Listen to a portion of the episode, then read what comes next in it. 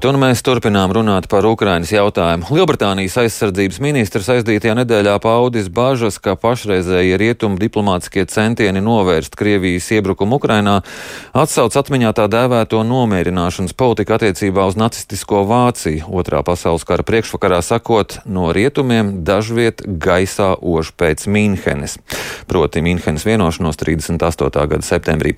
Pēc kā šobrīd gaisā ož, šobrīd pirms Minsteres drošības konferences Par to tēt runāsim ar Eiropas parlamenta viceprezidentu Robertu Zīli. Labrīt!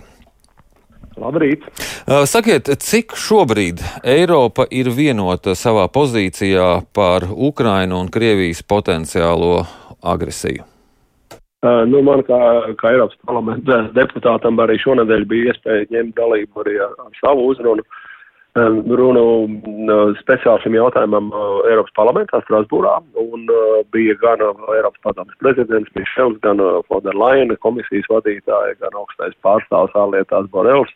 Un nebija gan prezidents Zelinskis šonadēļ Strasbūrā ne klātienē, ne neklātienē ar savu uzrunu, kas mums tāds citu arī daļai parādīja to situāciju, kā, lai arī tāda mēģinājumi bija, kā tomēr nolēma, manuprāt, nekaitināt uh, Kremli. Uh, ar šādu, šādu uzrunas iespējamību, bet šī debata un arī, tā sakot, Eiropas parlamenta pozīcija beigās politisko frakciju vadītāji varētu teikt kopīgs paziņojums šoreiz nevis tāda klasiskā rezolūcija. Nu, parādīja, ka ir vairākums, protams, Eiropas politiskajā spektrā ir tādi, kas vēlās reaģēt gan ar, teiksim, Nord Stream uh, slēgšanu, bet tikai tad, ja tas notiek ar kara darbību vai arī jautājums par SWIFT sistēmas atslēgšanu tam līdzīgiem pasākumiem.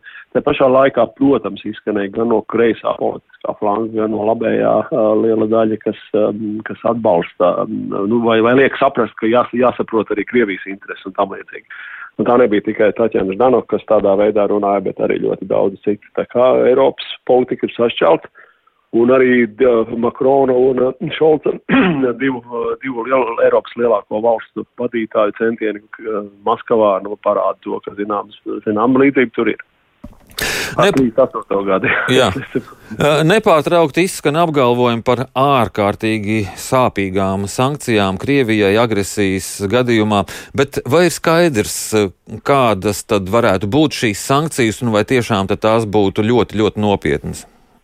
Un, nu, es minēju dažas jau no tām, kas arī ir parlamenta šo grupu vadītāju kopējā rezolūcijā, kas, protams, izskan no tā, kas ir mēdījos bijis, bet, protams, galā mēs domājam, ka zim samērā nelielu skaitu cilvēku, kas strādā šīm sankcijām, gan ASV pusē, gan, protams, Eiropas Savienības pusē un NATO um, valstu pusē, tātad uh, viņas ir sagatavots jautājums, ko, pie kā tas novedīs. Nu, no, bija minēts arī tāds piemērs, ka no 2014. gada sankcijām, kad Krievija ienāca iekšā, un šīs, protams, gatavojamās ir daudz, daudz nopietnāk, kā var spriest, bet no tām 2014. gada tas rezultāts ir tāds, ka 2022. gada sākumā Krievija ir tik daudz rezerves naudas kā nekad iepriekš. Es domāju, tās, kas glabājas Eiropas centrālā bankā, ko var izmantot arī militārā stiprināšana un tam līdzīgi. Tā kā, tā kā, nu, citu naudu, es domāju, rietumu valstu, rietumu Eiropas valstu, īpaši ne, ne politiķi, ne arī valstu līderi nevēlās arī faktiski nodarīt sāpes, it īpaši pirms, teiksim, Francijas vēlēšanām sāpes savai, saviem pilsoņiem ar šīs, jo sankcijas būs apusē griezīgas un skaidrs, ka arī paši pilsoņi būs neapmierināti. Bet šīs sankcijas, par kurām ir zināms, un ja tās pieņem, ko tas varētu nozīmēt Krievijas ekonomikai? Nu, jautājums, ka tas nozīmēs abām ekonomikām, abās pusēs, un, un tas ir tas, tas problemātiskais. Tā, teiksim, ja paņemsim to pašu Nord Stream 2, šī gāzes vada otro līniju, kas ir uzbūvēta, bet nav palaista no ceļā no Krievijas uz Vāciju, tad skaidrs, ka nu, šis apjoms faktiski ļautu atslēgt vispārībā varbūt tranzītu caur Ukrainu. Un tas nozīmē, ka Vācija savukārt bez šāda liela gāzes pieplūduma ir nu, diezgan nevarīga ne tautsēmnieciski, ne enerģētiski, jo, diemžēl, viņa manā skatījumā kļūdaini slēdz pašlaik atomelektrostacijas, un viņu iespējā vienīgā sagatavoties šī enerģija ļoti daudz gāzes, un šis gāzes vats kopā ar pirmo Nord Stream 1 tātad līnija dod 55 miljardus kubikmetru jaudu, kas ir ļoti, ļoti nozīmīgs, un Vācija faktiski ir sarežģītā situācija arī tautsēmnieciski. Šī gāze ir vajadzīga arī faktiski visai viņu eksporta no tautsēmniecības nozarēm, ķīmiskai rūpniecībai, autobūvei un tam līdzīgi. Tā tad šeit ir nopietni jāizsver, vai vispār ir iespējams ieviest šādas sankcijas. Nu, tieši tā, un šīs dažādās viedokļas tiek minēts arī piemēri, ka, protams, ASV var būt daudz stingrāk, un viņai no saimnieciskām attiecībām ar Krieviju ir daudz mazāks uh, iespējas nekā būs tai pašai pieminētajai Vācijai vai citām Eiro, Rietumē Eiropas valstīm. Un, nu, man jāsaka, ka izskatās, ka arī tur nav, nav, nav liela gatavība izjust šīs sāpes. Uh, un, um, nu, tas, tas faktiski parādas to, ka šie, arī es domāju, ka mēs redzam, cik, cik meistarīgi varētu teikt, spēlē Kremlis šajā situācijā, iesaistot šos līderus, kuri brauc pie viņa pie garā galda uz Maskavu.